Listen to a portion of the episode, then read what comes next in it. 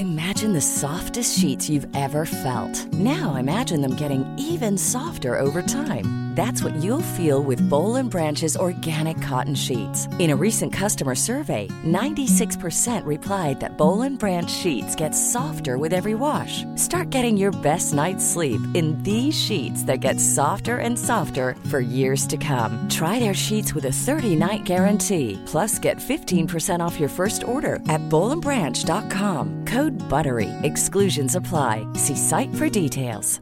Imagine the softest sheets you've ever felt. Now imagine them getting even softer over time. That's what you'll feel with Bowl and Branch's organic cotton sheets. In a recent customer survey, 96% replied that Bowl and Branch sheets get softer with every wash. Start getting your best night's sleep in these sheets that get softer and softer for years to come. Try their sheets with a 30-night guarantee. Plus, get 15% off your first order at bowlandbranch.com. Code BUTTERY. Exclusions apply. See site for details.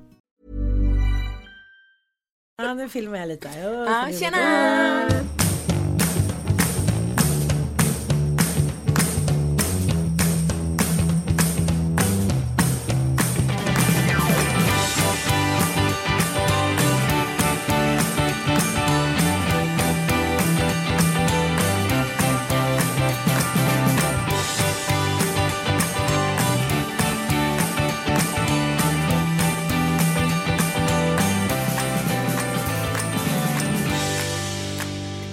Hej och välkomna till Lille Lördag. Hur är läget? Lite ångest. Är det så? Ja, Varför så då? Vet inte. Kanske för att det snöar. Eh, kanske för att eh, det börjar bli tjafsigt tycker jag. Tjafs, tjafs, tjafs, tjafs. Gillar inte tjafs. Nej. Det känns som att ligga i liksom slime och sola. Jag fattar. Ja. Eh, mina söner, Ja. eller en av dem, Dante, Igor och eh, Lo, gjorde ju egen slime igår. Åh fy fan. Av klister och bikarbonat och hit och dit. Det blev faktiskt riktigt bra. Är det sant? Sen gjorde de också sån här challenge, smoothie challenge. Ja, då har de i så här skinka, honung, senap. Alltså tänk dig bara äckligaste du någonsin Det kan tänka och sig dig. väldigt gott. Ja, det var inte det, men det var massa andra ingredienser. Så att han har blivit magsjuk. Ja men konstigt. Ja, tjafs, tjafs, tjafs. Tjafs, tjafs. Ja. Så så är det. Här på det. Här Hur på mår det. du? Ja men jag måste nog säga att eh, ja den här veckan har ju varit lite turbulent. Inte. Situationstecknen flög omkring, typ som Exakt som små små duvor här inne. svalor som häckar. Exakt. Ehm, Snygga bröd. Tack. Ehm, ja, då går vi vidare. Och, jo, men, men, men jag tycker helgen var faktiskt jättebra. Ja. Och sen så tycker jag att eh, söndagens sista jävla vargtimmar, du vet innan barnen sover, man vet att så här imorgon ska jag lämna över dem. Då är man ganska slut liksom. Mm. Ja. Man har liksom energi till, ja men du vet så här 75 procent. Ja. Sen de här sista 25 är liksom, de är tuffa tycker jag. Men är du lättad eller ger det dig ångest? Nej men det är dubbelkänslor, det är det som är grejen. Dels har man ångest för att man ska lämna dem. Mm. Om man inte ska se dem på ett tag. Sen är man ju också, är man också så jävla slut. Ja. För att så här, en kompis till mig vaktade om ett par timmar i, i vad heter det, lördag. Så hon var så här, alltså hur pallar du? Alltså det för de, man, man tror inte man fattar hur energikrävande det är förrän man liksom sitter med två barn själv. Liksom. Fast de är ju väldigt intensiva. Mm, jo men det är ju en intensiv ålder. Ja, absolut. Men, men först har du ju snackepåsen. Ja, Ja, som är mer snackepåsen kanske andra tjejer. och det är alltså. Penny då. Ja. Ja. Och sen har du ju skuttepåsen. Ja, Ja, som är, ja, nu, som är överallt just nu. Ja, precis. Så att det är mycket som händer hela tiden. Du får inte så många luckor. Nej, nej, alltså det är just det, också den här maintenance, att man går och liksom fixar och plockar och trixar och plockar. Alltså det går i ett. Du sitter ju inte ner med två barn. Det var, nej, nej, nej, fast det gör man inte. Med Va- fem va- barn, nej. nej, men jag skulle liksom, ungefär som att jag inte gör någonting. Men det tyckte jag var väldigt roligt igår att eh, vi kom hem på kvällen, eh, vi gjorde middag, alla käkade. Eh, sen skulle de typ käka igen. Precis när man hade gjort i ordning köket, eller Mattias i det här fallet, vilket tar kanske en halvtimme då att göra lite fräscht. Då kom man ut typ en halvtimme senare. Då såg det exakt likadant ut. För då skulle de ha liksom lite snacks. Ja, men ta lite flingor, de blev lite sugna, göra någon liten soppa, någon macka. Va- vad fan- förlåt, vad fan är det där? Vad fan är grejen? Vad fan är det? För vi hade, vi hade middag igår och hade playdate. Och då vad heter det, var det nämligen så att eh, ja, de käkade eh, stuvade makaroner och, och falukorv. Och då åt de alla väldigt, väldigt mycket. Och sen tar det typ en och en halv timme. Sen är det flingor och mackor gurkor och allt vad det är. Man bara, men är ni dumma i huvudet? Ät mer då för fan. Ja, ja. Tjafs, tjafs, Tjafs, tjafs, tjafs, tjafs, tjafs, tjafs, tjafs. Jag kanske ska skriva låten Tjafs, tjafs. Den ska bli lite snygg. i- Ja, för du har inget att göra. Men nu tycker jag att vi presenterar våra gäster. Ja, just det. Äntligen. Äntligen! Har suttit här tysta nu Ja. bara. Visst var det svårt? Ja, ja ganska. Ja, de här kucklande damerna känner ni till. Det är Ångestpodden. Det är våra bästis i tio år yngre sk- skiktet. Det känns jättehärligt att vara hos er. Ja, Men det känns superhärligt att ni är här. Vi har ju pratat om det här ett tag. Ja, det ska bli faktiskt. spännande. Kan inte ni beskriva er själva med 20 ord var? 20 ord. 20, det har Okej Sofie, du börjar. Åh nej, 20, det är jättemycket. Ja, vi, vi har, vi har, den här podden kommer då bli tre timmar. Ja, jag tror det. Eh, vi hade ju faktiskt som första fråga till er att ni skulle få beskriva oss. Jaha. Eftersom vi tänkte så här, bara, men alla era lyssnare känner ju såklart er, men alla era lyssnare känner kanske inte oss. Så vi kastar över direkt tycker jag, jag tycker att ja, ni ska ja. beskriva oss. Så beskriver ni Ida, Sofie och Ångestpodden. Ja, precis. Ja, alltså jag tycker att Ångestpodden är en av de viktigare poddarna för en yngre generation och jag lyssnar också på den själv väldigt mycket. Eh, jag tycker ni har sjukt härliga röster och ni har så jävla bra energi. Jag älskar ert lilla program på SVT, det är fantastiskt. Åh, Åh, tack. Och om ni inte har koll på Ångestpodden så leta efter lite så här rosa fluff. Och du har ju pratat väldigt mycket om att du skulle vilja ha en rosa ångestbil som åkte runt och Ja. var så här med räddande psykolog. Det är ju vad de här tjejerna gör. Ja. Ann är helt i chocktillstånd fortfarande. Nej, men alltså, jag menar en sån här rosa fluffhundbil. Ni vet med så här långt, eh, sånt tyg liksom fast är...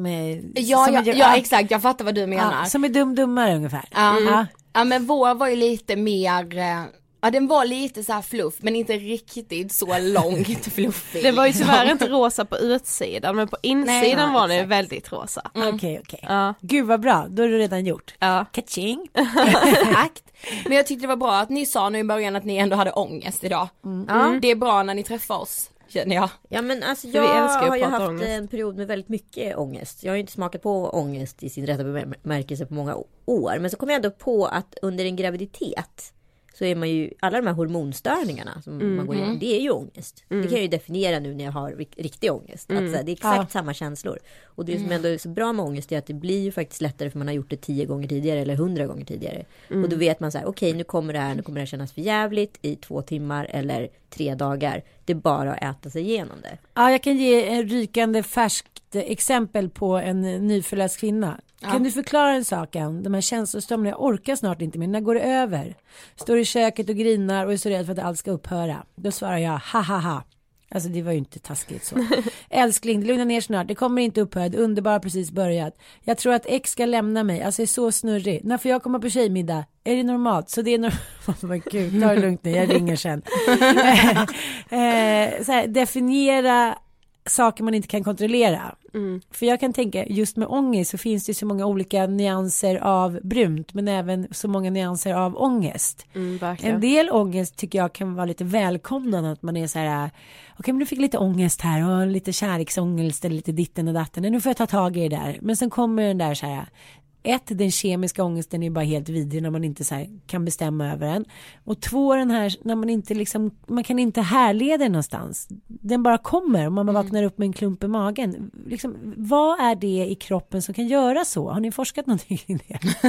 Nej tyvärr så har vi inte det som inte är några forskare. Nej, vi är absolut inga proffs på ångest, men jag skulle säga att vi är proffs på att prata om den. Och vi har väl liksom någonstans lärt oss att man måste liksom omfamna ångesten när den kommer och prata om den för att så fort man liksom ändå så här börjar prata lite om allt som känns jobbigt så är det ändå det är någonting när man säger det som också lämnar kroppen då på något sätt. Ja det är ju så. Det är krishantering. Precis. Ja men verkligen. Och sen också, den blir liksom mindre när man säger, eller sen när man pratar om den. Ja, man plockar ju ifrån den från sig själv och Exakt. paketerar den och håller ett luftpaket i luften och sen så bara Precis. förintas det där till sist. Ja. Mm. Men vi tänkte ändå så här, vad har ni för relation till ångest idag liksom? Ja, just nu har jag ju ganska mycket, jag sitter i en livssituation som orsakar ganska mycket ångest. Så att jo, jag är väldigt mycket mer närvarande i ångesten.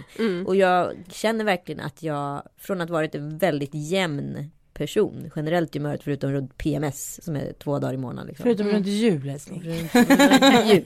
När du och jag är på turné. eh, Nej men du är jämn och stabil. ja men jag är ju faktiskt Ja. det. Ja men för den bilden har jag ändå av båda er. Mm, Ja, måste jag säga. Och nu kan jag känna liksom att så här att man kan så här, trilla ner i såna jävla djupa blåa hål.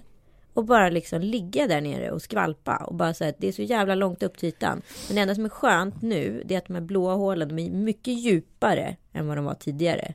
De var nog kanske bredare på något sätt. Mm. Men nu kommer jag upp fortare ur dem. Men när, ju, varje gång jag trillar ner så blir det liksom lite mörkare och lite intensivare men tar slut lite fortare.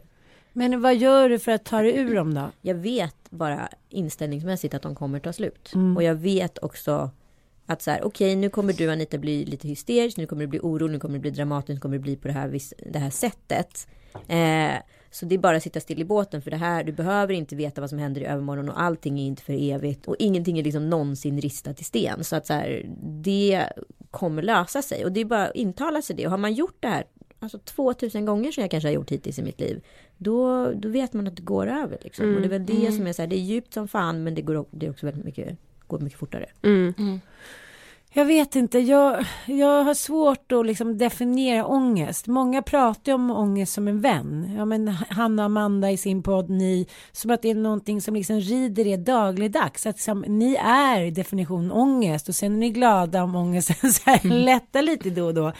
Så eh, har jag nog liksom inte känt så himla ofta i mitt liv. Min mamma gick ju bort och var sjuk flera år av cancer. Då var ju väldigt mycket ångest.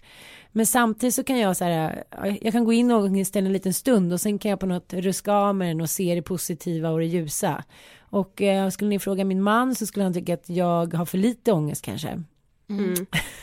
Men så är nog mer jag också. Alltså du Ja. har ju väldigt mycket ångest medan jag har ganska lite ångest. Och ibland kanske jag kan uppfatta som lite så här att jag inte jag har nog kanske ångest men jag uttrycker den inte så mycket och då kanske jag uppfattas som en person som inte alls bryr mig liksom så bara hur kan du reagera så lite? Det här är ju jätte Det är äkta jag. Ja, jag bara, alltså. men jag gör det fast jag kan liksom inte känna riktigt lika mycket ändå. Jag tar inte allt på så stort allvar på något sätt. Ja, men där är ju ni lite lika. Ja. alltså, Det så tror här, jag med. Ja, ni är ganska osentimentala. Och jag är också osentimental men just nu är jag väldigt sentimental. I, I mina ögon är du, förutom att du får dina så här, ja, minibrytare som ska skicka sms så här, när du känner dig, an, liksom, du känner dig anklagad, liksom utan att, alltså, förstår jag vad jag menar? Du. När du får så här, snabb ångest när någonting har hänt som du tror att någon har smädat dig. Det kanske inte är så. Då kan ju du bli så här. Men annars är ju du väldigt jämn. Du, liksom, du betar av din dag. Och inte på något tråkigt sätt. Men så här. Ja, då är det nästa grej. Då är det nästa grej. Och nu helt plötsligt så är det lite som att du är lite i kris hela tiden. Så det går upp och det går ner och det går upp och det går ner. Och det är ganska så här roligt att stå bredvid. Men alltså grejen är, så som Ann beskriver dig nu Anita, så är jag hela tiden känner jag. ja, okej, okej, jag ska inte klaga. Nej, men alltså det är, det är speciellt. Jag trivs ju inte i det här tillståndet. Vissa hi- hittar ju sin plats liksom. Jag tycker att det här är ganska hemskt. Mm. Jag vill ju inte vara här. Jag vill ju Nej. bara så här Vad jämn. sp- spola det här året liksom ett eh, på så här fast forward. Och så bara ska, nu vill jag landa i november liksom. Jag skiter i sommaren när jag ställer in allt liksom. Jo men det är ju Ja. skitjobbigt när man går igenom saker som gör att man helt plötsligt får mycket mer ångest än vad man brukar ha och så vet man att man att alla andra ser på en som en person som inte har så mycket ångest och som inte mår så dåligt. För det är inte konstigt men då känns det lite som att man tappar sin identitet när man helt, alltså när man alltid har varit den där personen som inte bryr sig så mycket och som så här kan bara så här skaka av sig saker och ting och sen hamnar man i situationer där man faktiskt inte kan göra det. Det blir så konstigt för man vet plötsligt inte vem man är då. För att alla så här förväntar sig att man ska vara lika så här okänslig som vanligt. Ja, ja visst. Men jag tycker att det är svårt också hur man ska liksom hantera sina nära vänners och liksom sin nära bekantskapskrets ångest. För till slut blir det också så här, jag vill inte falla ner i det där hålet med dig. Men om liksom jag får höra om din ångest 23 gånger per dag, då kommer jag snart så här, alla medberoende style, ligga där och liksom chippa efter andan. Hur tänker ni med så här, hur ansvarig är man för sina vänners ångestperioder? Alltså man kan ju aldrig vara ansvarig på något sätt. Eh, och sen är det väl snarare vännen som mår dåligt som har ett ansvar att faktiskt så här, Sprida sin ångest. Alltså, så Ja så dels det göra men så- också så att kanske söka professionell hjälp eller så här, gå i terapi så att man har någon som faktiskt är utbildad att ta i sådana här problem. Ja men det är ju skitegoistiskt att liksom utsätta en enda person Exakt. för ens dåliga mående. Jag ringer ju kanske fem nära personer Ja, mm, och, liksom så precis. här, liksom, och då för varje person jag pratar med så blir det lite lättare och sen så vet alla att så här, ja, det här är hennes mönster och sen går det över. Liksom. Ja, och sen går precis. jag i terapi också jättemycket. Och sen tror jag det är viktigt med att prata med många olika personer för att när man har ångest och man bara skulle bolla det med en person så för det första så orkar inte den personen Nej. vara så entusiastisk hur länge som helst och att också höra liksom alla ser ju inte på saker och ting på exakt samma sätt så jag tror det är viktigt att man får liksom alla de här infallsvinklarna annars blir det bara som att man står och stampar på samma ställe och då kommer det aldrig bli bra liksom. Nej men den värsta sorten tycker jag är de som på något sätt så här har bestämt sig för att nu mår jag dåligt och nu tänker jag göra det och jag tänker inte ta hjälp och jag tänker lägga liksom all min skit i ditt knä. Liksom, det tycker jag är så jävla människofientligt. Ja alltså Ja, det, det- ja det går inte Det tycker jag är många Nej. som gör det. Många är så här, hej du, liksom, särskilt när man lever i relationer tycker jag att det verkar som att många är så här, nu är typ min latrintömmare, nu har jag så här bajsat lite, nu kan jag gå till jobbet och ha det göttigt. Man bara, "Åh." ja, det tycker jag är märkligt. Ja. Ja. Ja men det är sant. Vi var med i någon annan podd någon gång, eh, sinnessjukt. Eh, och då frågade han också så här, bara, men vad tycker ni man har för ansvar när man mår dåligt liksom så här, när ska man söka professionell hjälp typ? Och då sa ju vi båda så här, men det är ju när man liksom ändå det låter fel att säga att, att man är en börda för sin omgivning men när man ändå liksom blir jobbig för att man liksom inte alls vet hur man ska hantera sin ångest. Mm. Då tycker vi att man ska söka professionell hjälp. För den finns ju där av en anledning. Men det måste jag ändå säga credda er generation med. Att, eh, och liksom, pratar man om män eller kvinnor också för den delen. Som är liksom 5-10 år äldre än oss. De har ju inte ens tänkt tanken. Det är något riktigt fult det här med att gå till sin psykolog. ja exakt. Men idag, alltså, så, jag möter unga människor hela tiden, allt från tjejer till killar. Liksom, alltså, så fuck vad ansvariga folk är och bara så här, tar hand om sin ångest och går i terapi. Och, Jag hade ju dejtat liksom, lite olika killar som, som har varit lite yngre. De bara, ah, så gick jag till min psykolog och så jag, jag var där i två år. Och så man bara, what?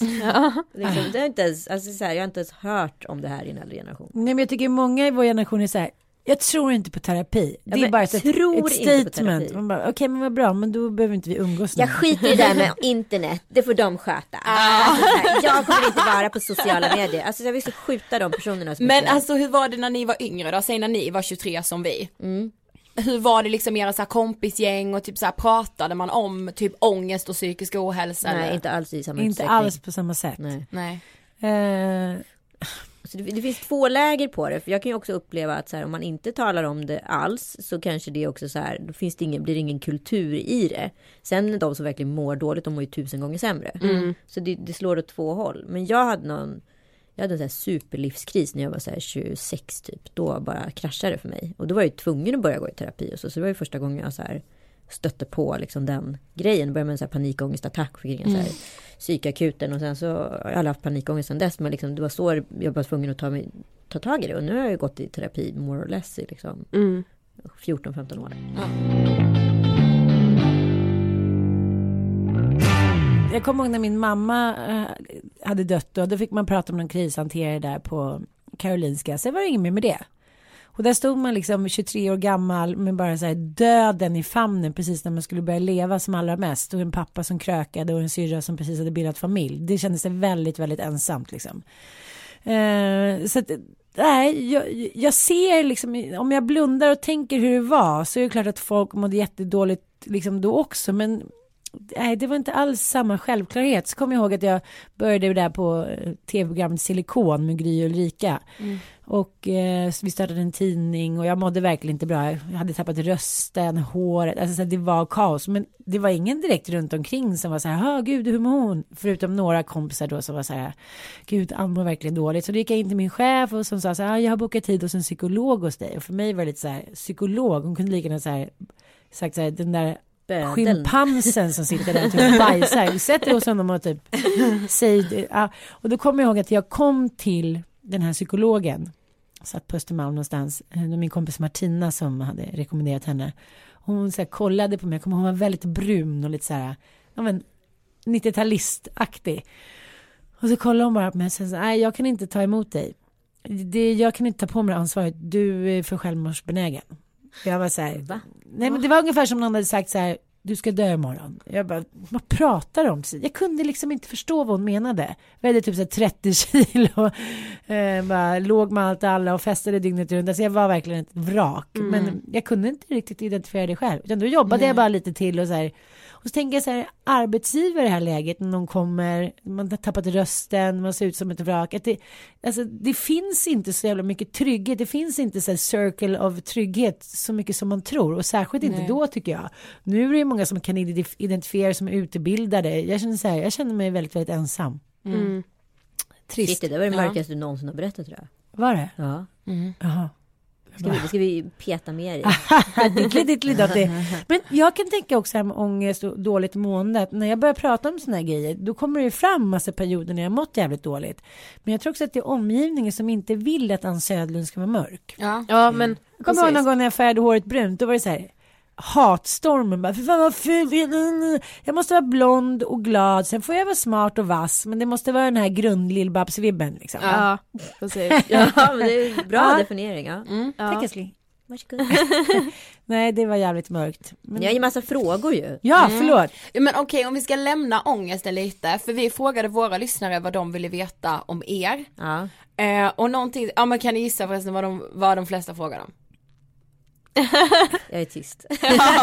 ja, exakt. Ja. Hur mår Anita var det, frågade de flesta. Ja. Eh, men du, det har vi gått igenom lite nu Ja. känner jag ändå. Men sen var det även många som ville veta så här, hur blev ni så bra kompisar? Alltså var det något så här, ni har ju pratat om det i podden innan, hur ni träffades och så här. Men var det liksom något speciellt hos varandra som ni Nej, bara, jo men det ska vara vi. Nej men jag tror att det är så här, om man nu får vara lite flummig och kvantfysisk och allt vad det är. Jag tror att så här, man pratar med människor på olika så här frekvenser. Och våra frekvenser, bara, alltså det är bara som en så här kärlek i, i ioner höll jag på att säga. I miljoner eoner. Nej men alltså så här att vi så här, rattar in på exakt samma frekvens. Ja. Eh, och bara så här, jag kan liksom, ja men du vet vissa personer man nästan så här byter menscykel och allt vad det är och liksom. Det är ju en frekvens liksom. Eh, och liksom jag vet ju att du kommer ringa mig. Alltså innan du ringer mig och tvärtom. Alltså det är ju på den nivån. Och vi är liksom, vi, vi, så här, vi är så jäkla synkroniserade på massa grejer. Sen är vi oerhört olika som personer ja. och hanterar saker oerhört olika. I, ja, problemlösa på väldigt olika sätt liksom. Men i slutändan så tror jag så här, summan av kardemumman så blir det ganska lika. Det tror jag med. Och så tror jag att det handlar om ibland när någonting blir så oväntat att frekvensen blir så bra fast man inte är alls inställd på det. Då, då är det något så att, då märker man inte riktigt hur bra det är förrän helt plötsligt en dag när man är utan det så bara men gud vad bra det är. Som när man är ifrån varandra ett tag eller liknande. Men jag tycker också att det känns väldigt kravlöst för vi har ingen historia tillsammans. Nej. så man kan inte säga pika varandra "Nu när du gjorde det och det. Men liksom det finns inga skuggbilder direkt utan det är så här Anita Ann här och nu. Det tycker jag är ganska befriande. Och den är det, liksom, den är kravfylld vår relation på ett sätt för att man måste backa upp varandra och vara schyssta. Och det finns massa så här, snedsprång som man kan gå i, i, liksom, i vår närhet om man säger så, jag behöver inte förklara något mer. Men, men samtidigt så är det så här, vi är ju två små mini-ardennerhästar, vi bara trampar på, här, nästa gig, nästa jobb eh, och vi ser på saker liksom ganska lika, vi har ganska bra självkänsla också, vi tycker faktiskt att vi, what's in it for me som vi brukar säga. Och då är det ganska enkelt att säga ja, men med jobb och liknande. Så Mm. Det är ingenting, vi fastnar inte i någon gegga grej. Nej. Sen när vi, jag menar, jag är inte så mycket för intriger. Nej. Nej, och det tror jag passar dig ganska bra. Det passar mig väldigt bra. Men jag, alltså, så här, grunden är att jag är ju inte heller speciellt inne för intriger. Jag trodde han skulle säga bara, för det är ju du Anita. Nej, nej, jag hatar, jag, alltså grunden så hatar jag konflikt. Men jag är absolut inte konflikträdd. Mm.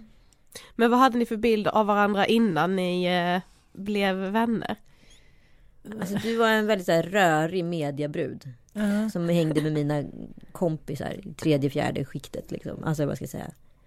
Jag har en Ja. kompis som var kompis med dig och vi hade massa gemensamma vänner. Men det var ju liksom, jag har träffat apan, det vill säga Ann, liksom, fem gånger på 15 år. Men sen så liksom, vi har, vi har väl aldrig liksom ens haft ambitionen utav att klicka. Nej, nej, nej, vi har inte ens gått in på det spåret. Nej, utan det var det så här, ja men det är min kompis kompis. Ja. men, men jag är ju liksom inte så här, jag har inte formulerat någon åsikt runt Nej, dig. Liksom. inte om dig heller. Mer så här att man, många pratar ju om liksom Anita tycker jag. Jag tycker det alltid har varit så. Så hon har alltid varit lite vid sidan om och jag tycker det har hänt mycket turbulens kring dig ändå. Så här, ja men små schismer och minigrejer. Det är som du sätter igång någonting hos folk. Jag tror, man måste, jag tror att jag är en person som man måste tycka antingen bra eller dåligt om. Jo, och men det vet är- inte riktigt varför. Nej så. inte heller. Det är så himla liksom banal förklaring ändå. Alltså jag menar inte att det är ditt fel. Men det är väl också så här, det är också så här hotfullt att vara en kontroversiell person eller en stark person eller vad det nu är liksom. Eh, Mm. Och då blir det då hamnar man ju i situationer med människor som är, inte fungerar som en själv. Liksom. Mm. Men så kommer jag ihåg att jag tänkte ganska mycket på det där att jag har ju massa barn och liksom levt i så här mammafållan väldigt, väldigt länge. Och Anita har ju inte gjort det lika länge men hon har ju varit mer kontroversiell. Hon var ju den första som sa men ibland vill man gå ut och ta sig ett järn och en cigg och det var ju så här woo, Ja, som en bomb Så slog får ner. man inte säga. Nej, nej, nej. Så att jag har tänkt så här, gud vad modig hon är och sådär. Och nu är det inte alls lika, nu har det gått så här sex år ungefär. Nu är det inte alls lika kontroversiellt. Nu är det så här, ja, kvinnor vill också ha sig.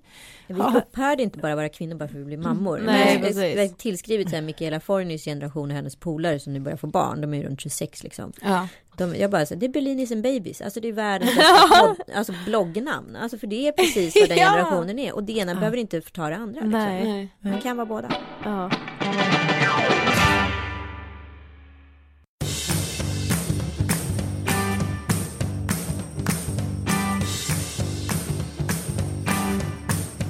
Okej vi tänkte att vi vill göra så här vem av er-lek mer. Aha. Eh, så vi har liksom några påståenden så får ni komma fram till vem det passar bäst på av er. Kanske lite sätta i vänskap på prov här. Oh. Ni får gärna liksom argumentera för... Shoot. Eh, Okej, vem av er är bäst på att ragga? Så det är, alltså att båda hade varit singlar nu då. Anita. Nej, jag skulle fan säga att du skulle. Ja. Eh, Min kompis Sanna brukar säga, eller vår kompis brukar säga Din frekvens passar ihop med typ alla män Allt från så här bönder i Skurup till så här, Ja, Fast jag, ragga jag, och tror ragg. kanske, nej, men tror att det kanske skulle vara relativt jämnt. Däremot så säger är man ju, jag har ju inte alltså, gått ut på krogen och raggat en enda gång sedan jag blev singel. Nej. Och det hade ju sett lite annorlunda ut för liksom, tio år sedan. jag Ja. Men jag, jag vill bara veta vad menas med definitionen ragga? För att jag har ju väldigt lätt att träffa någon när jag går ut eller liksom är någonstans. Men, men vad innebär Men däremot har jag ju tagit kontakt med killar online som jag vill träffa och varit så här tja. Ja men det är ju också en Det är form väl också av, en form av Ja det är ju inte bara så här krogen Om det, klockan om det fem, går åt liksom. helvete med din Tinder-dejt så bjuder gärna jag ut typ henne och skriver till. Ja Liksom. men du är kaxigare! Det var ju skitbra! Oh my god! Du, Anita jag snor den. Eh, ja. Aj, aj, aj. Nej men jag, jag tror att för, jag säger oss nu för jag är svindålig på att ragga. Eh, Ja, ja, ja. Enligt, enligt mig så är ju om du har den här bra eh, frekvensen, att du har väldigt lätt för att träffa folk när du går ut, då tycker jag ju att du är bra på att ragga fast Mm. det Ja. kanske bara blir så för dig men det är typ, jag blir ju avis på dig liksom för att Ja, du, men det blir bara så utan att jag liksom tänker på att det blir så. Men sen tycker jag att Anita är mycket miss av, vad får jag uttrycka, grabbigare eller modernare. Så här, ja, men skicka lite liksom Ja. roligt. Det, jag är väldigt traditionell där. Jag skulle aldrig liksom ragga på det sättet verbalt, alltså via skicka sms eller något. När, Ja. så här, när någon skickar någonting till mig då är det så här, ja, alltså sen när jag är ute, jo men jag vet inte, jag är, där är jag inte så bra, men det är för att inte jag har hållit på med Tinder och sånt där. ja. Mm. Men samtidigt så om jag vill ha någonting då, då raggar jag ju loss. Ja. Fast liksom subtilt. Lalalala. Supersubtilt. Kanske passande att ta nästa påstående då. Vem av er ligger mest? Ja absolut Anita just nu. Men, men, eh, men jag tänker också att det här med både liggande och raggning är så otrolig färskvara. Man liksom dekar av sig extremt snabbt. En gammal kille till mig, han skickade lite så här gamla sex-sms mellan oss för typ ett tag sedan. Alltså, vi är väldigt goda vänner så det var inte så här känsligt. Nej. Jag bara helvete, när skrev jag det där?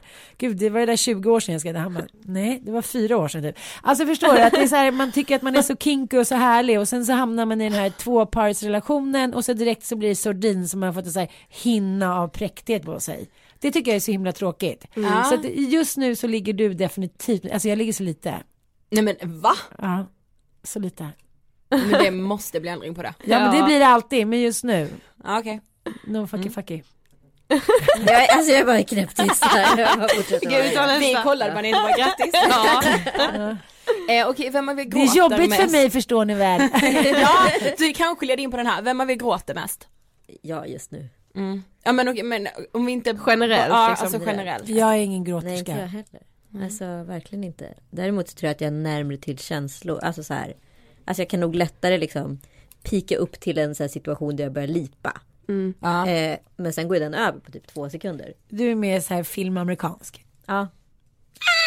Jag, jag älskade din eh, instastory igår Anita när eh, eh, Tom Allan var så här, han skrattade och han grät och han bråkade med Penny och var så här, äh, jag vill och sen så tyckte han ändå det var kul. Här, Man bara kunde ändå relatera känner Exakt. jag. det är så här. Eh, Sluta men fortsätt. Ja, exakt. Vem av er är bäst på att ta kritik? Jag? Tror vi. Va? är du dum i huvudet eller? Oj då, det här var starka för känslor. Ja, den där kanske. Jag kanske har en annan. Okej nej, nej, då. nej, men du har ju, vem, alltså så här, det här är så sjukt. Ja, du målar in mig i ett hörn som den konfliktfyllda. Vem är det som har mediabråk med så här Blondinbella, Anna Bok, Martin Melin? Etc. Alltså du är ju konflikt-Ulla nummer ett. Fast du bara så här, du bara springer runt med ditt lilla Hej, här sitter Ann Söderlund. Litet leende. Bara titta härligt. Så kommer du undan. Kommer du undan liksom. Jag har fan inte tjafsat med någon offentligt på evigheter alltså. Gud, nu, när du säger så så blir jag lite stressad. Jag, jag, det rinner ju av mig, du vet ju Ja men jag vet, du är guldfisken liksom. Okej, då var det helt plötsligt ja då. Ja men säg så här då, att någon skriver till er, ni får ett mail och bara, ja er senaste podd, eh, ni levererar inte alls i den, ni har blivit så mycket sämre. Vem tar det bäst av er då? Nej jag har inga problem att ta det. Nej. Nej, inte jag heller. Alltså, det- som jag gör, mitt jobb, det, liksom, det, betyder, alltså, det betyder mycket. Men folk, jag tycker inte riktigt att man kan sätta dit mig med så här, mitt jobb. Det har Gud vad skönt. Fy fan vad jag längtar tills jag kan ha det så för Ah, jag, alltså jag kan inte hantera sådana mejl överhuvudtaget. Är det sant? Nej nej Ja, nej. du är faktiskt värre än mig. Ja, Ås. jag blir, jag blir jätte, alltså jag kan, nej, jag mår skit av sådana mejl. Men jag svarar alltid på sådana mejl och svarar så här, "Ha, vad tråkigt att du tycker det och varför Ja, gör du det? jo, och det gör kan vi med." göra någonting som du inte gör bä-" Alltså snarare så här, ja, men ge oss lite liksom mer konstruktiv kritik så kanske vi kan göra någonting åt det. Ja. För vet man så här, man bara, det är den i huvudet. Man bara, jaha, men varför tycker du det? Alltså så här, då är det viktigare att veta varför i sådana fall. Nej men jag får ju katastroftankar direkt och tänker att men om hon nu tycker så då tycker liksom typ 10 000 andra det också. Så här, alltså jag får liksom det målas upp i huvudet för mig, alltså det, det är hemskt. Jag kan inte alls ta det. Ja, men jag kan ibland känna att jag är lite för lite så. Mhm. Att jag är sådär, jag gör min grej och jag vet, jag har liksom hållit på med, med mitt jobb så länge och även Anita att så här, är det bra så är det bra. Och är det inte lika bra, ja men vadå, man kan inte ligga på topp hela tiden. Nej. Men det tycker jag. Alltså det är Ja, det jag tror. Alltså jag kom precis från en podcastinspelning med David Batra och vi har ju så här, vi känner varandra ytligt liksom. Vi har många gemensamma vänner och sådär. Och nu blir jag inbjuden till hans podd. Och då ska jag liksom, dels ska jag leverera underhållning med så här, en av Sveriges bästa komiker. Där börjar min ångest redan. Och så, så, så här, hur, ska, Ja. jag, ska jag ha en skön röst eller ska jag vara rolig? För man, jag vet ju att jag kommer fnissa väldigt mycket i den här podden. Och då vill man ju hålla tillbaka fnisset. Men då hämmar man ju helt plötsligt spontaniteten. Förstår du vad jag menar? Alltså det, så det blir så här moment 22. Så jag bara åkte därifrån och var så här. Jag är helt tom. Jag är tom. Jag vet inte om det här var roligt för fem öre. Fy fan vad vidrigt. Tänk om jag bara är så jävla platt. Och så ser jag liksom gästlistan säga Petra Mede, Henrik Schyffert, Fredrik Lindström. Oh, jag bara, no. Och så jag liksom. Alltså jag ville skjuta mig själv. Förstår ni? egentligen är det en Ja. ära att du ens har blivit inbjuden då liksom. Men, Jo, jo, absolut. Ja. Superkredit. Men då tänker man också, då tänker jag att jag är svinrolig. ja. Men du vet Och inte så om blev det var jag, det. nej, och så blev jag liksom så här superstressad för sammanhanget. Och så känner jag bara att jag var ju skitdålig. Det är kommer klart säkert vara inte var. skitbra. Nej, men, ah. Ibland kan ju sådana där tillfällen vara då man faktiskt är Ja. bra. Exakt. Och ibland så kan det vara då man är dålig. Ja men vi hade ju också hans pappa, vi hade också så här, hans pappa på länk och så var det en så här delay på så här en halv sekund. Så man så här Åh, reaktion... nej. Ja men du vet och det ska ju klippas upp men du vet så här, reaktionerna blir fel. Ja men du fattar. Ja, ja. Ja. Okej sista då, eh, vem av er blir fullast? Jag blir sällan svinfull. Jag kanske är svinfull två gånger per år. Eh, Du blir ju mer glad i hatten, hatten. Jag är mer så här, jag är party, alltså jag är jämn party och då blir jag också så här, "Woho! Han ska ut och dansa och liksom. Ja men jag kanske är lite mer antingen eller. Ja men alltså Du är antingen, mer proffsig. ja, men antingen är du, blir du bara så här, säger knasiga saker. Äh, Så här konst, Det är som vanligt. kon- konstiga påståenden eller som man inte så här förstår sammanhanget i för det pågår något i din hjärna. Ja, du sitter och marinerar och du, Ja. alltså, Är det det som är den här bra frekvensen med män när du går ut? Men jag tycker, men vi är båda ganska bra på alkohol. Vi är inte sådär att vi börjar gråta och Nej, bråka. nej, nej, utan vi, det är ganska mycket party. Men Anita är lite mer såhär terrier. Hon håller ut länge. Jag är såhär, nej nu åker jag, hejdå. Ja, nej, men jag har inga problem. Ja, men jag var så här, om jag hade en tidig kväll i, i lördags så kom jag hemma halv två. Mm. En kompis med bara, halv två! Det är helt sjukt. Jag bara, Hur mår du? jag bara vadå? Ja. Jag kör alltid den där smita grejen. Ja, ja. Nej, nej, vänta, nu vill jag åka hem. Ja. Men jag tycker också att det beror på så otroligt mycket när man har bebis också. Alltså, då blir det inte att man partar så ofta, så då, man är inte riktigt beredd. Jag hade några tjejkompisar som kom över lördag, så alla hade med sig, ah, spontan kom förbi, du vet när katten var borta, min man var Det var så här, ah, ska bara komma förbi och låna lite skitkläder och sen så bara kom, droppade folk in en efter en, alla hade med sig lite bubbel och bla bla bla. Och då kan jag känna så här, när, jag, när man har suttit i så många timmar och så ställer man sig upp, man bara wow, det här är jag inte beredd. Alltså jag, inte, jag har inte den styrkan i mig att jag kan sitta och dricka massa bubbel, utan det är, jag är inte vältränad, jag är väldigt uttröttad, jag, ja men det är mycket Men liksom jag tar jävligt mycket så här ansvar för mina fyllor. Jag vet att så här, Mm. på lunchen ska, måste jag käka en pizza. Och sen så innan jag går ut så dricker jag typ fyra glas vatten. Och sen så Oh under tiden när jag God. dricker första liksom, vad ska jag säga, fyra enheterna, då dricker jag vatten mellan varje enhet. Och då håller ju, blir man ju inte heller så här superfull. Nej det är sant. Det måste jag börja Nej, men det är göra. saker man vet men man gör ju inte det Nej ändå. men alltså det, det, man Nej, måste man vara behöver strategisk inte det när om man är man 23 heller. Då behöver man inte ansvar för någonting. Men jag är ju svintråkigt om jag blir så här dyngfull. Jag vill ju ha kul. Alltså mitt, om säger, det är så mycket on stake när jag väl är ute. För att det är så mycket som ska kunna hända och det ska bli en magisk kväll. Alltså det är så mycket liksom för mig. Det är inte bara en, jag kan inte bara göra det här varje dag. Och då måste Nej, det det, bli sant. kul och då måste jag göra allting för att det ska kunna bli det. Ja.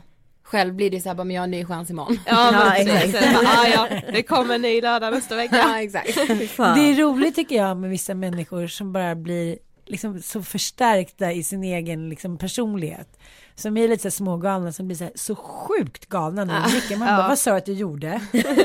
Okej, du snodde en hatten, hoppade in, blev jagad. Men jag får alltid fråga vissa mina kompisar, det du skrev förut, det var bara ett skämt va? Nej, det blev så. Man bara, Vi försökte faktiskt få med oss en julgran från Biblioteksgatan en gång i en taxi. Ni vet vad Det var så konstigt. ja, det gick konstigt. Ja, men. Nej, men jag berättade precis en så här fyll, den sjukaste fyllhistorien jag har hört någonsin. Alltså det är en så här gammal kursare till mig, liksom länge sedan. Eh, som så fyllekörde hem från landet. Eh, nej.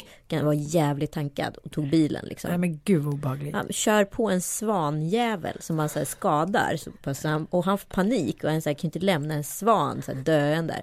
Så tar med svanjäveln, Nej. eh, lägger den i bakluckan på bilen och vad heter det? Och kommer hem, somnar i ruset, vaknar på morgonen, svanen då har vaknat Alltså där är det och sjukaste. far runt i lägenheten. Så det blir liksom en sån här brottning mellan honom och Fattar ju hur aggressiv en svan är. De är ju rätt stora De är ju skitstora, det skulle ju ta upp liksom en och en halv kvadrat här. Ja. Så han stryper svanen till sist, liksom ändå Nej, sätta sig på den på ryggen och så här, hålla fast och strypa den. Liksom. nej men gud vilken läsk... Det är ju en film, det är en Ja, det är en kortfilm. Ja, Ja. gud ja. Men det måste ju vara århundradets värsta. Men det är sant. Han stryper svanfan. Nej. Förstår ni hur det ser ut i den här lägenheten sen? Det var lukten, lukten, för det var så här skit och liksom jädrar överallt. Hej, eh, är, det, är det bårhuset? Jag skulle göra en obduktion. nu fick jag ångest. Okej, helt off topic, förlåt. Ja. Nej men vi frågade våra eh, lyssnare också vad de ville veta om er och det var lite intressant för vi gillar ju att prata om så här tonår och gymnasiet och sådär så som vi gör i Ångestbilen på SVT Play. Så vilka var ni eh, under eh, tonåren? Så icke riden av ångest. Det är så här, alla mina kompisar pratar om den här hemska gymnasietiden, tonårstiden. Jag är bara så här, jaha. Så är det för oss med. Du det är exakt, du är typ den första jag hör som säger det. Nej, Ja. men alltså, jag tyckte det var toppen. Jag spelade fotboll, hängde med killar, eh, liksom satte upp shower. Jag bara tyckte livet var toppen. Liksom. Jag var så lycklig när jag började första ring. Då hade jag gått eh, ett högstadie där det liksom inte fanns några artefarter människor. Det behöver man ju inte vara, men, men så, som passade mig. Mm. Och så börjar man gymnasiet och så, så bara hittar man sitt gäng. Du vet, det var så, jag, jag gick omkring och tänkte så här, ska jag gå i det här gyttret resten av mitt liv med människor som jag inte trivs med? Jag var så rädd att det, det var mitt öde. Och så träffade jag alla de här härliga människorna. Så gymnasiet för mig var bara så här en long ride. Humpen jumping. Så att, eh, men det är klart att man hade ångest ibland. Men, men jag har ingen, min, min kropp minns inte mycket ångest från tonåren. Nej men så är det för oss med. Och det här med att människor säger att alla tjejer har haft ätstörningar hit och dit. Mm. Så här, nej, jag har inte det. Varken liksom död eller levande, gammal eller ung. Så här, jag har aldrig haft något osunt till mat. Nej. Nej, men jag var så här friidrottsbrud fram till jag var liksom 13-14 och träffade lite, eh, 13 till jag träffade liksom lite killar som var tvårädda, hade moppe och mm, rökte cigg liksom. Tyckte det var svintufft. Så valde jag bort friidrotten. Det var inte så svårt. Eh, förlåt, jag så här, träna intensivt så här, tre dagar i veckan. Liksom, nej. Eh, eh, och då, vad heter det? Där hände ändå någonting mellan så här, 13 och 14 mådde jag faktiskt ganska piss. Alltså eh, var liksom så här eh, mörk i sinnet Hormoner. hormoner. Mm. Sen släppte det där. Och jag, alltså jag också precis som Ann så här, älskat liksom skolan, inte plugget nödvändigtvis, men liksom umgänget, det sociala, klicka med folk, stora gäng, mindre gäng, tjejkompisar, vara tajt med, ja men du vet. Ja. Och jag liksom haft så kul. Jag tycker den svåraste tiden i mitt liv var faktiskt mellan så här 20 och 30 om jag ska vara ärlig. Jag tycker Gud vad skönt att du säger det. För då, så, jag känner ju vi med. Vi brukar så här, visst vi tror att vi är ganska så bra på att romantisera det som har varit, att samma kommer bara ihåg det som var bra. Men alltså jag kan ju verkligen minnas vem jag var när jag var så här 15, 16, 17, 18 och sakna henne Ah. på något sätt. För nu har jag så mycket mer ångest, det kanske är för att jag är mer så här världsvan nu ändå. Ja. Nej men vadå, det, det måste man ju säga till ungdomar, så här, njut av den där tiden, någon cashar för dig. Ja, exakt. Ja, du kan bara hänga med dina kompisar hela tiden. Du, Det är noll ansvar. Ja, du kan, bete, ja, du kan bete dig lite hur som du ändå älskar liksom där hemma. Ja. Eh, men det är en skön period tycker jag om man klarar av att ta vara på den. Jag tror inte på det där med nostalgia. Man får bara säga okej, varför tyckte jag att jag var en sån härlig brutta eller snubbe då? Och så får man säga jobba mot det. Ja, Eh, precis. det där gör mig lite förvånad att så, här, att så många, både kvinnor och män, de ska så här, förhärliga en tid i sitt liv och så vill de liksom gotta sig med sin offerkofta och vara kvar där istället för att så här, göra någonting av det där de är nu. Och det är därför tror jag att jag gillar dig så mycket. Där är du lite som jag. Jaha okej, det där funkar inte så bra. Men då får vi liksom bara Man hitta på något annat. eller så får man börja på ett annat sätt bara. Det är inte mer med Ja. så tycker jag. Alltså så skönt. Men Ja. jag måste börja tänka mer så här. Ja, men, alltså så här, släpp det där. Alltså, det, man gör, kommer göra, Alltså, man jag kommer kan göra inte. 2000 fel. Alltså grejen är så här, jag tror att väldigt många människor, Mm. det här är min teori, för jag har några yngre anställda. Eh, många unga människor fokuserar så jävla hårt på att inte göra fel. Men det är liksom en sån dum idé. För det slutar med att du får ångest, du blir perfektionist och sen så det, skulle någon säga så här, "Ja, men det där var väl liksom halvbra det där. Då är den kritik, då är det så otroligt, alltså väldigt farlig högsta lägsta nivå på att så här, våga kritisera. Och då blir det ett sånt jävla ok för den här personen att ta och då känner det sig superkritiserad. Istället så här, fokusera på att göra rätt.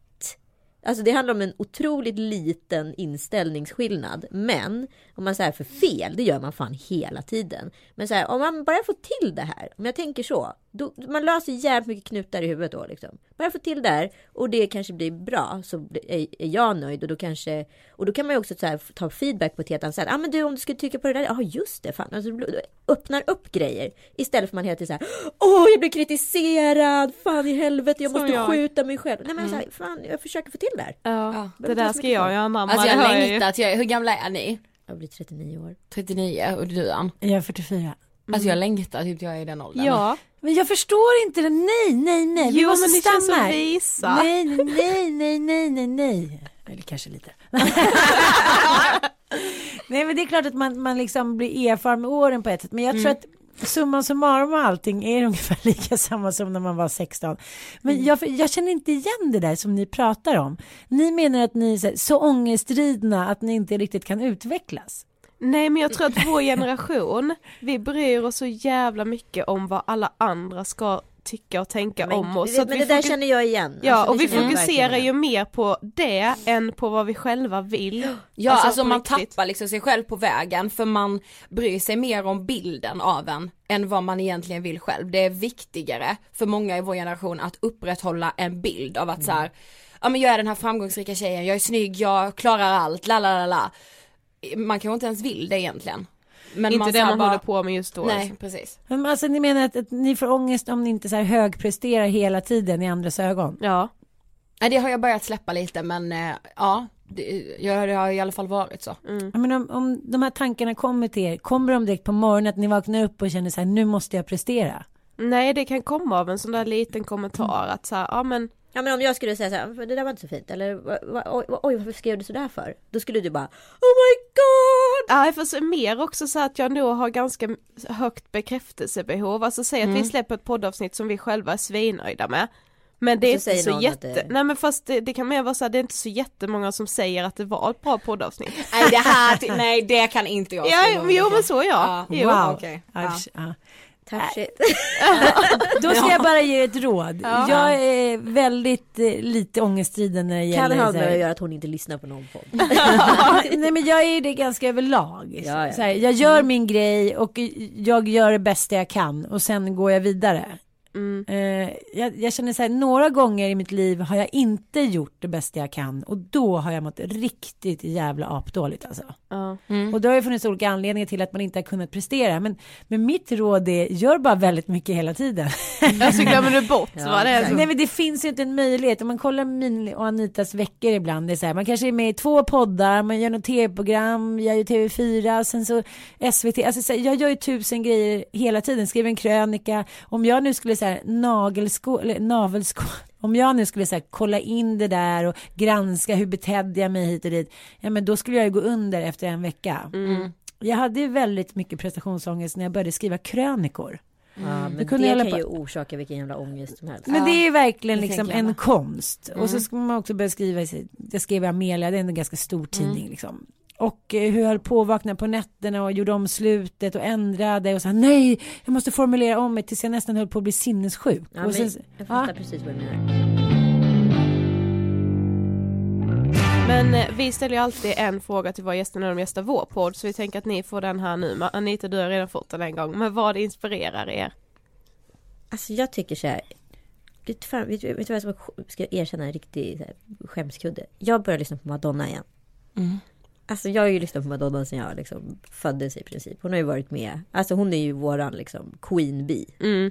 Eh, och, så, här, och det är så jävla mycket power. Och man börjar, nu börjar man lyssna på texterna på ett nytt sätt. Och så tänker man på Madonna på ett annat perspektiv. Alltså så här, förstår ni hur många kvinnor som i, är i Madonna? Alltså hur, vilken, alltså så här, och då ser man så här, en person är ju inte bara en person. En person är en Madonna. Man är allt från Frozen Madonna till Erotica till eh, Material Girl till liksom eh, Ja men express yourself, alltså allt finns ju i en och samma person och det är det som är så jävla coolt. Så jag tycker så här grunden så här, skaffa jävligt bra förebilder, alltså helt orealistiska som Madonna. Men också väldigt så här um, omge dig med bra förebilder. Om det nu inte råkar vara din morsa eller din syrra. Hitta en annan morsa och syrra då. Som är jävligt inspirerande. Och liksom Mm, det gillar jag verkligen. ja, Mm. poddar, inte fan vet jag liksom. Profiler, alltså så här bra människor som har så här. Jag, alltså så här, nu jobbar jag med liksom flera av de människorna jag såg upp till när jag var tonåring och det känns så jävla coolt. mig, David Ja, Batra. ja, nej, men om man nu ska prata om just inspiration. När man står på så många ben som båda vi gör, allt från så här, ja men du designar, jag med, jag har klänningar och sådär. Uh, nej men det är verkligen, när jag ser tillbaka på min vision för fem år sedan att jag skulle göra en, två nya saker per år, som var så här, liten livsmål jag hade, då var det så här, nu kan man typ skratta hela vägen till, kanske inte till banken som pengarna alltid tar slut, men, men, men just det här att jag tycker att allting på något sätt är inspiration. Eh, ja men det låter så himla klyschigt, men så här, allt från konst till historien, till att bara ligga och kolla på Amy Schumer, till att prata med Anita. Men, men jag tror på det här att, att tänka lite som att man är bara ett stort, liksom, stort jättebröst, alla kvinnor. Att jag tycker det växer på mig för varje år som går, liksom i själen på något sätt. Att det är väldigt Metafor vi minns, ett jättebröst. Jag bara ser det framför mig. Ja, jag Jag med. fattar absolut Det är, lite, det är lite som den där bilen fast det här var ett stort brett. Nej men jag menar, jag tänker lite på Venus, den där statyn. Så att, man, att man har kommit från någonting och man är en urkvinna och man klarar så himla himla mycket mer än vad man tror. Sen behöver man ju inte bli någon besserwisser eller så här, tro att man är oövervinnlig för det är man inte. Men, men, men det, det jag har lärt mig är att ett, eh, du klarar mycket mer än vad du tror. Ett, du, säger, du är mycket bättre än vad du tror. Och tre, liksom, låt ingen annan, eh, sär, särskilt av manskön eller heller av kvinnokön, så att trycka ner dig. Utan försök att skaka bort det lite och gå vidare. Det finns alltid tusen nya möjligheter och den känslan tycker jag är väldigt påtaglig i min kropp. Liksom. Ja, men grunden är ju att man inte behöver vara så sentimental. Men jag har ver- verkligen så här, tänkt på det här med Madonna. Nu blev det väldigt visuellt för mig i och med att hon har ändrat liksom stil så mycket. Men liksom, då tänker man på sitt eget liv. Hur många liv man har haft med olika partners och liksom olika yrken, vilka olika gäng man har hängt i. Så jag tänkte verkligen någon gång i livet ska jag skriva så här all, en memoar som heter typ alla mina liv. Ah, det är Sjukt roligt. bra namn. För det är ju liksom, det är precis det man gör och man är ju en viss person en viss tid i livet. Ja. Och ibland kan det nästan vara så att man tänker, jag tänker på mitt, gam, mitt gamla jag och jag var så här, gud har jag varit hon? Det är nästan som man liksom kopplat bort den personen. Och man pratar om någon annan liksom. Ja du fattar vad jag menar. Ja. För vi har ju samma frekvens. Ja, precis. Säkert. Allt. Ja, fan vad kul att vara med! Ja, Ja. tack snälla. Tack snälla. Tack ska ni ha. Och nu får man ju fortsätta lyssna på den här intervjun Yes. i Ja. eran podd. Yes. Exakt. Så att det är ju bara att klicka in imorgon och Ja. så hör ni ner Ångestpodden så kommer ni höra oss intervjua er. Ja, exakt. Så spännande. Ja, så spännande. Okej, men eh, ha det bra då. Ha det bäst.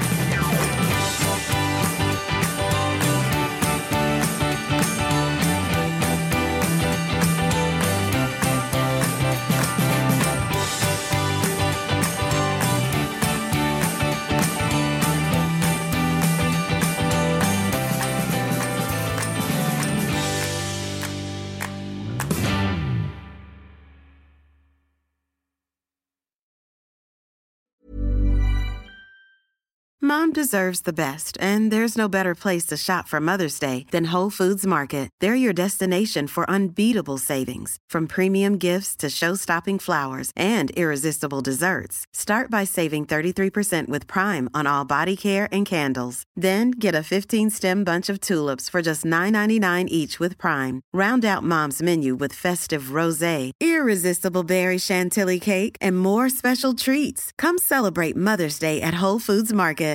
Imagine the softest sheets you've ever felt. Now imagine them getting even softer over time. That's what you'll feel with Bowl and Branch's organic cotton sheets. In a recent customer survey, 96% replied that Bowl and Branch sheets get softer with every wash. Start getting your best night's sleep in these sheets that get softer and softer for years to come. Try their sheets with a 30-night guarantee. Plus, get 15% off your first order at bowlandbranch.com. Code BUTTERY. Exclusions apply. See site for details.